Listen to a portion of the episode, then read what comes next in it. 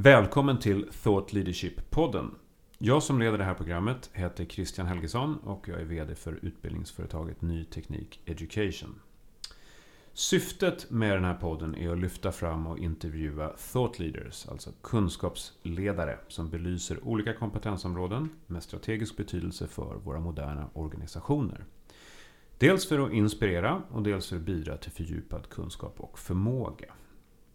Och vårt mål är att bidra med thought leadership i din värld. Alltså, oavsett om det handlar om utvecklingen av dig själv som professionell individ eller utvecklingen av ditt team eller din organisation. I det här avsnittet så ska vi prata om distribuerat ledarskap som verktyg för innovation. Och för att fördjupa oss i det här spännande ämnet så har vi bjudit in Kristina Närman. Och Kristina är ledarskapskonsult och hon hjälper individer och team och organisationer att bli mer kreativa, att bli mer innovativa och våga fånga de möjligheter som finns i den här komplexa världen som vi lever i. Och Kristina arbetar också med att utveckla och stärka det distribuerade ledarskapet som krävs för att organisationen ska kunna möta framtidens utmaningar. Många fina ord där. Eh, Kristina är själv civilingenjör i grunden. Och eh, hon är också en av våra många lärare som vi har och föreläsare som vi har i utbildningen Managementprogram för ingenjörer.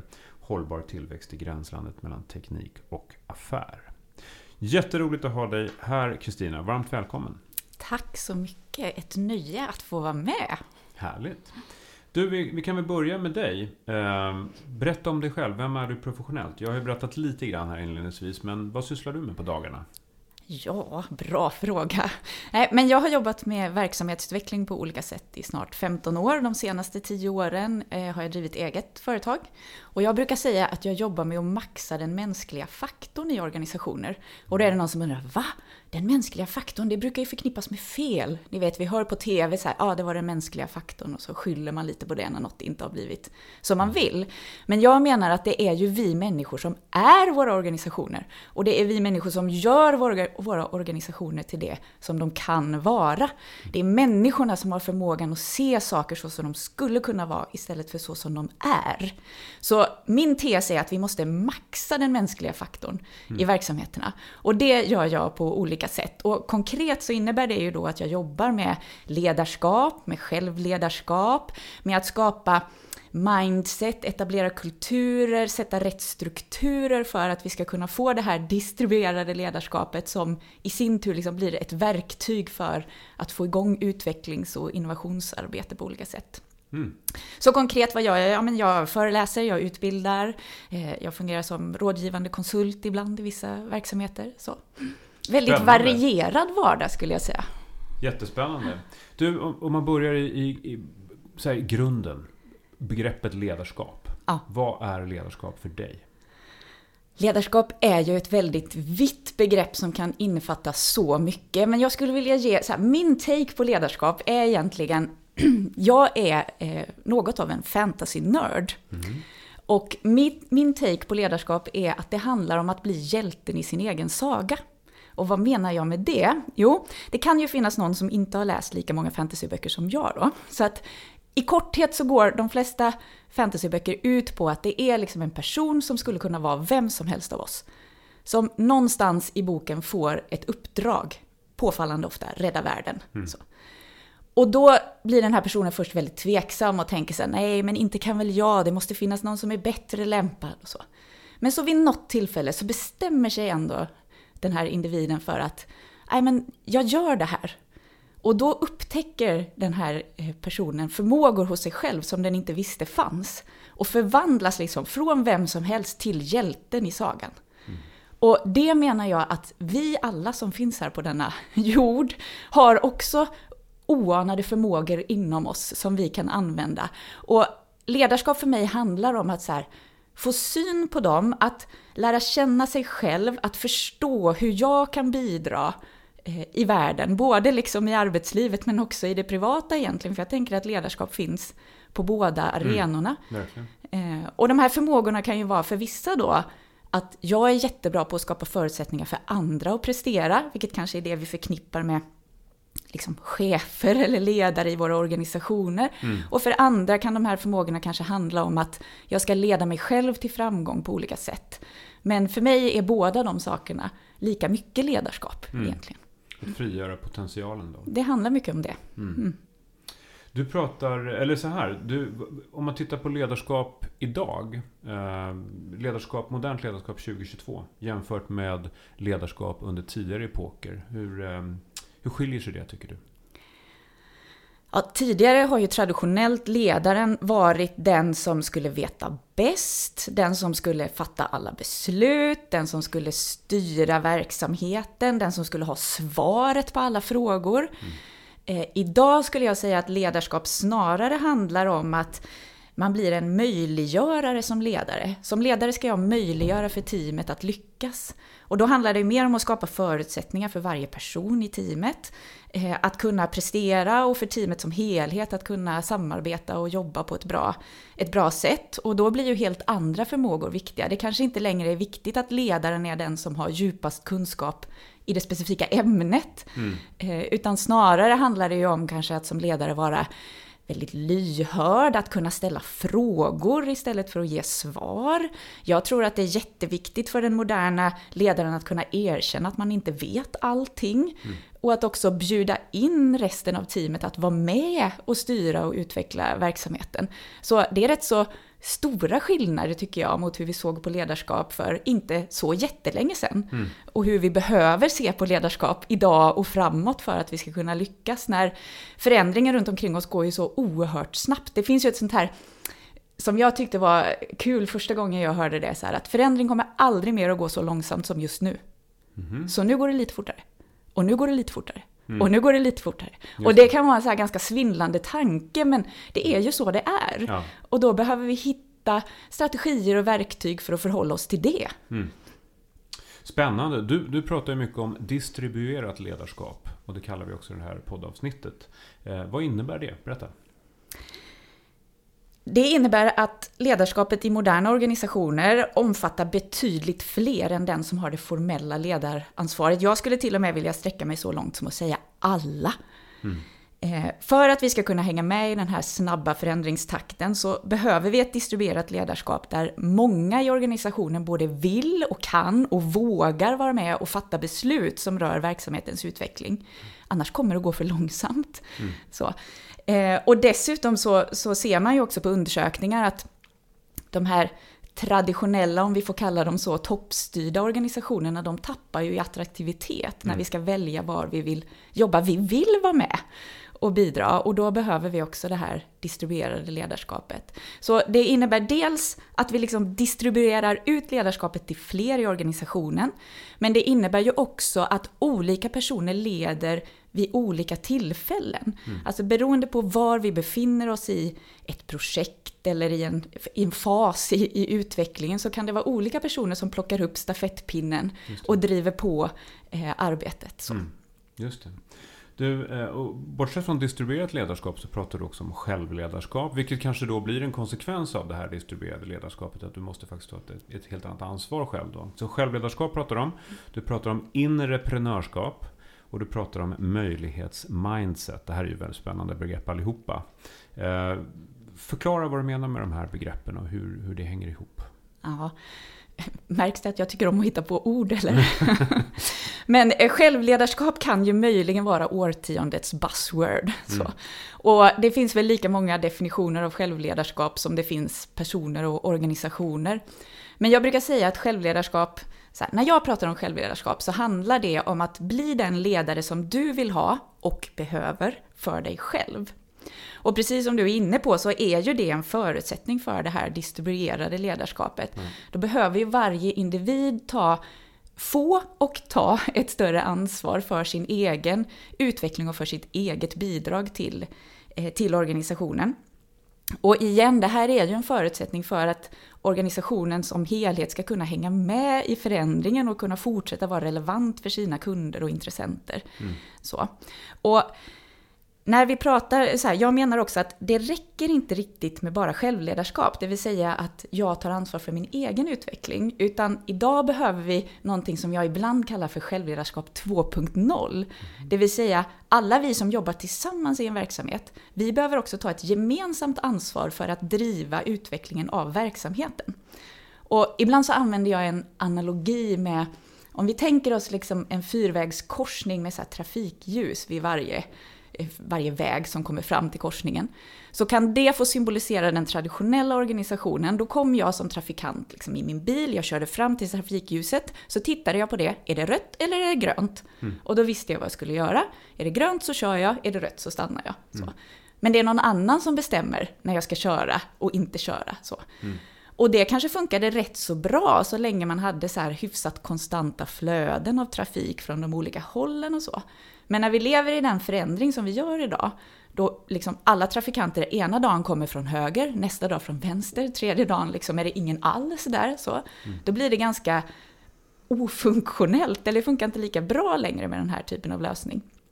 Så då kan vi istället tänka oss att vi kommer till en rondell som vid första anblicken är mer komplex. Det ställer högre krav på den enskilda trafikanten. Jag ska både förstå vart ska jag med mitt fordon, liksom. Mm. men jag måste också ha koll på alla andra runt omkring mig så att vi skapar tillsammans ett bra flöde i den här cirkulationsplatsen. Så, för de som inte gillar fordon nu då kanske det här är liksom helt off topic, men jag tycker mm. att det är en spännande idé att ha ja, i huvudet. Liksom. Ja, men det handlar om samspelet och det handlar om det här gemensamma ansvaret på något sätt för mm. att vi ska få det att, att fungera. Mm. Och det brukar jag då kalla kallar för självledarskap 2.0. Och det i sin tur då kopplar till det här med som jag kallar för inreprenörskap. Mm. Och vi har rätt så länge pratat om att organisationer och verksamheter behöver mer av ett entreprenöriellt tankesätt och liksom att de förmågorna blir viktigt och det har pratats om intraprenörskap mycket. Så. Yeah. Och skillnaden mellan entreprenörskap och intraprenörskap det är ju egentligen anställningsformen. Ja, en entreprenör är anställd av sig själv, en mm. intraprenör är anställd av någon annan. Yeah. Och jag menar att den här anställningsformen är helt irrelevant. Mm. Utan egentligen så handlar det ju just om de här förmågorna som alla människor faktiskt besitter. Mm. Och det är därför jag brukar kalla, eh, prata om inreprenörskap, för att visa på att det här är något som finns inom oss och som vi kan bara vet, lyfta på locket lite för att eh, låta eh, blomma ut. Så. Mm. Och det var spännande också för Forbes gjorde, nu är det ett gäng år sedan, men gjorde man en undersökning där man frågade millennials, alltså de här som fyllde 18 någonstans runt millennieskiftet, så, hur ser de på en entreprenör? Mm. Och traditionellt så definieras ju entreprenör som någon som startar företag, växer företag, säljer företag, förhoppningsvis cashar in och så startar ett nytt företag. Mm. Men här visar det sig att man snarare såg på en entreprenör som någon som ser möjligheter och vågar driva dem. Mm. Och det är ju spännande, för då handlar det ju precis om det här mindsetet.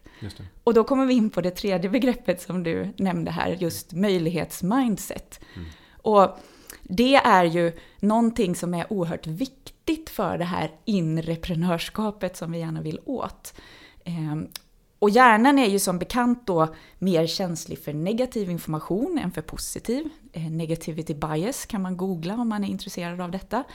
Eh, och det betyder helt enkelt att vi är tränade i att hitta problem, att hitta det som inte fungerar. Ja. Vilket har varit jättesmart genom evolutionen, det är ju därför du och jag sitter här idag, liksom, mm. för våra förfäder var bra på det. Mm. Så. Men det är inte riktigt lika funktionellt när vi pratar om innovation och utveckling. Utan då behöver vi träna hjärnan i att också bli bra på att se, skapa möjligheter på olika sätt. Vi behöver träna det här möjlighetsmindsetet på olika sätt. Så. så, så hänger de ihop eh, i min värld. Mm. Eh, och det är det, den innebörden jag lägger i de här begreppen.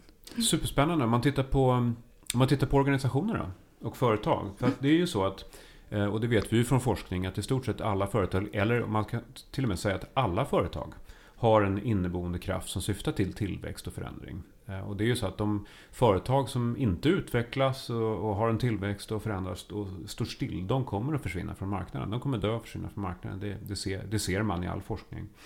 Men samtidigt så är det ju idag Även om vi då söker tillväxt så är det ju idag tydligare än någonsin att den här tillväxten måste vara hållbar. Och våra, måste, våra företag måste ta en, eh, anta en ansvarsfull marknadsposition. Men hur kan vi använda ledarskap som verktyg för att stimulera innovation på ett sådant sätt att det leder till hållbar tillväxt i våra organisationer?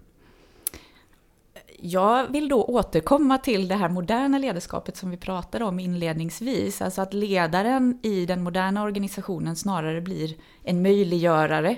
Eh, så. Och att då handlar det ju om att ledaren har en jätteviktig uppgift i att skapa förutsättningar för att alla i teamet eller organisationen ska våga, vilja och kunna bidra i innovationsarbetet. Mm. Och då brukar jag jag brukar prata om den magiska formeln för förändring eller för utveckling och innovation som är tid plus kärlek plus störning. Mm. Och tid kanske är det minst konstiga i det här. Att ledaren har en jätteviktig uppgift i att frigöra tid för utvecklings och innovationsarbete. Vi kan inte vara 100% upptagna i business as usual, liksom i leverans, yeah. och förvänta oss att vi också ska se en utveckling och ett innovationsarbete, för det finns ju ingen plats för det då. Mm. Utan vi måste frigöra tid för det här nytänkandet för att se saker så som de skulle kunna vara istället för så som de alltid är. Mm. Eh, och ibland så brukar jag säga att det handlar om att maxa mellanrummen, alltså när vi är mellan saker, för det är då det finns utrymme för nytt att hända. Mm. Och där har ju som sagt ledaren en avgörande uppgift eh, i teamet och organisationen. Och den andra beståndsdelen då, kärlek, kan ju tyckas liksom lite mer udda i det här sammanhanget. Men med det menar jag att när vi jobbar med utveckling och när vi jobbar med att skapa nya saker, alltså det lättaste som finns, det är ju att ta död på en idé. Mm. Ja. Det räcker ju med en blick så är ju mm. idén bara borta. Mm. Och ofta är ju vi själva allra bäst på att slakta våra egna idéer. Mm. Och det jag menar med kärlek då, det är att vi tillsammans i teamet eller organisationen, och ledaren har ju den avgörande liksom, funktionen i att sätta det här, att vi tillsammans ger våra idéer kärlek och värme, mm. så att de kan få chans att gro. Därmed inte sagt att alla idéer ska växa till stora träd, men alla idéer bör få en chans mm. innan vi liksom kapar dem vid fotknölarna. Och då handlar det ju om att träna sig i hur vi tar emot våra egna idéer, varandras idéer, hur vi pratar med varandra, hur vi fungerar tillsammans, eh, hur vi tittar på varandra i ett idéarbete. Mm. Faktiskt, det kan mm. vara sådana små detaljer som gör jättestor skillnad. Mm. Och där finns ju många verktyg som man kan använda för att jobba med detta och skapa detta tillsammans i teamet. Just det. Och så den sista eh, faktorn då, störning. Ja, men det handlar ju helt enkelt om att störa vårt vanliga sätt att tänka och göra. Och där kan ledaren också fylla en oerhört viktig funktion och då handlar det igen om att istället för att ledaren ger svaret så kanske ledaren ställer frågor som får oss att tänka i en annan bana, göra på ett annat sätt. Det kan handla om att våga, ibland kanske ödmjukt provocera, mm. eh, eller utmana då, eh, och även att vi får tillfälle att fylla på med inspiration, att vi vågar också gå utanför våra vanliga ställen där vi fyller på med inspiration. Vi kanske ska röra oss till en helt annan bransch eller liksom en helt annan sektor för att se hur gör de, kan vi lära något och så. Eh, så egentligen kanske ledarens uppgift för att skapa hållbar tillväxt också är att maxa den mänskliga faktorn. Alltså att ge människorna i organisationen utrymme mm. att använda sin kreativitet eller sitt inre prenörskap som jag brukar prata om då. Eh, och att det blir hållbart, det tänker jag att, att vi då tillsammans som är i den här organisationen har som uppgift och ansvar att se till. Mm. Och det handlar ju om att vi sätter en tydlig riktning för vart vi är på väg och så här, vad, vad vill vi tillsammans i den här verksamheten, den förståelsen behöver ju också finnas. Annars kan vi ju få eh, liksom en situation där så här, ja, alla tycker det är jättekul att innovera och utveckla, men vi springer i 300 olika ja, riktningar. Det det Då blir brukar, det inte heller så bra. Det är det man brukar kalla för freedom within a framework. Mm, exakt. Mm. Du, superspännande. Och vi, man tittar i övrigt på, på marknaden och våra företag idag så ser vi att som du också som du var inne på alldeles nyss, att en, en snabbare och snabbare förändringstrakt där ute på marknaden. I branscher, i företag och sådär. Eh, och, och, det här gäller ju, liksom, vi ser en blixtsnabb teknikutveckling. Och vi ser inte bara det, utan vi ser också en blixtsnabb utveckling vad gäller affärslogik och affärsmodeller. Så att våra liksom, eh, gamla tankesätt utmanas, våra gamla sätt att organisera oss utmanas, våra, eh, Eh, våra, våra gamla affärsmodeller kanske utmanas helt enkelt av, av, av, eh, av nya tekniker och nya affärslogiker som växer fram. Och det här tvingar ju oss som företag och individer att tänka nytt och det utmanar oss. Och det, det, det utmanar oss att ständigt tänka på, hur vi, på de här frågorna helt enkelt. Och hur påverkar en sån arbetsmiljö ledarskapet? Jag tänker att ledaren, och då menar jag egentligen också att alla är ledare i det här eh, perspektivet, men kanske i synnerhet också den som har som uppgift att leda verksamheten framåt. Eh, vi behöver bottna i oss själva på ett annat sätt än vad vi kanske har behövt tidigare som ledare, när man har kunnat hålla sig i liksom eh, ja, men, femårsplaner eller vad det kan vara. Mm. Det går ju nästan inte att göra en femårsplan idag för att förändringen går så himla snabbt. Mm. Liksom. Mm. Så jag tror att, att ledarskapet handlar väldigt mycket om att lära känna sig själv. Jag behöver förstå vilka viktiga eh, värderingar jag har, hur de kopplar till organisationen. Jag behöver förstå vilka styrkor och begränsningar jag har och även hur det ser ut i mitt team. För har jag den liksom grunden och botten i mig själv, ja men då blir det mycket enklare att fatta komplicerade beslut snabbt. Mm. Eh, och också att kunna delegera det här beslutsfattandet. Om vi har gett förutsättningar för distribuerat ledarskap, det vill säga att alla i teamet eller organisationen också har fått lära känna sin ledare och, och förstå sig själva på ett annat sätt. Så. Då kan vi också delegera ut beslutsfattandet på ett annat sätt än vad vi har kunnat göra tidigare. Och då kan vi också svara mot de här snabba förändringarna. Just det. Det är också viktigt att anta att det är ett värdebaserat ledarskap man ser inom organisationen. Alltså att organisationen i sig har tydliga värderingar. Precis. Det är ju lite så. Jag brukar prata om att vi behöver lägga liksom en grund för det här distribuerade ledarskapet och innovationsarbetet som innefattar fler. Och det är ju precis det här att vi behöver förstå vad står vi för i den här organisationen? Alltså vilka är våra värderingar? Hur vill vi agera? Mm. Och vi behöver också fatta vad är det, för att återknyta till fantasy-analogin här kanske, liksom, men vad är vårt uppdrag? Vad är det för mission vi är ute på här i mm. detta komplexa affärslandskap? Så. Mm. Eh, och har vi de sakerna eh, på plats, ja men då kan vi faktiskt släppa den här kraften fri. Just det. Så tydlig vision, tydlig målbild och, och tydliga värdegrunder gör, hjälper oss ja. i en snabb rörlig miljö. Ja, och kanske, jag skulle snarare vilja prata om faktiskt, för jag tror det där med mål kan ibland bli lite kortsiktigt. Vision mm. är ju sin sak. Men, men ja, just ja. också, jag vill gärna prata om den här missionen som mm. vi är ute på. Alltså vad är det vi gemensamt vill åstadkomma? Just det. Men då går det att vara långsiktig när förändringstakten är så hög? Jag vill svara absolut. vi behöver bara sluta sätta kortsiktiga mål. Så. Och jag tror att precis de här sakerna som vi pratade om nyligen. Alltså värderingar är för mig någonting som är konstant över tid. Mm. Och jag jobbar bland annat ju med ett bolag som har haft samma värderingar i 30 år. Mm. Eh, men utvecklats oerhört mycket som verksamhet. Mm. Eh, så att jag tänker att värderingar är någonting som är beständigt. Jag tänker också att den här missionen, eller ja. säkert många som känner till Simon Sinek som pratar om why, how, what. Alltså mm. har vi ett tydligt why, ett tydligt varför vi går till jobbet som är på det här bolaget. Så, då har vi också en långsiktighet i verksamheten. Sen behöver vi kanske jobba jättemycket och förändra howet, alltså hur mm. vi gör saker och framförallt whatet, alltså vad vi gör. Ja. Det kan ju ändras oerhört mycket beroende på vad som händer. Ja, men vi ser ju hela branscher liksom försvinna på bara nästan över en natt. Mm. Eh, ibland på grund av disruption i teknik och ja. affärsmodeller. Så. Ja.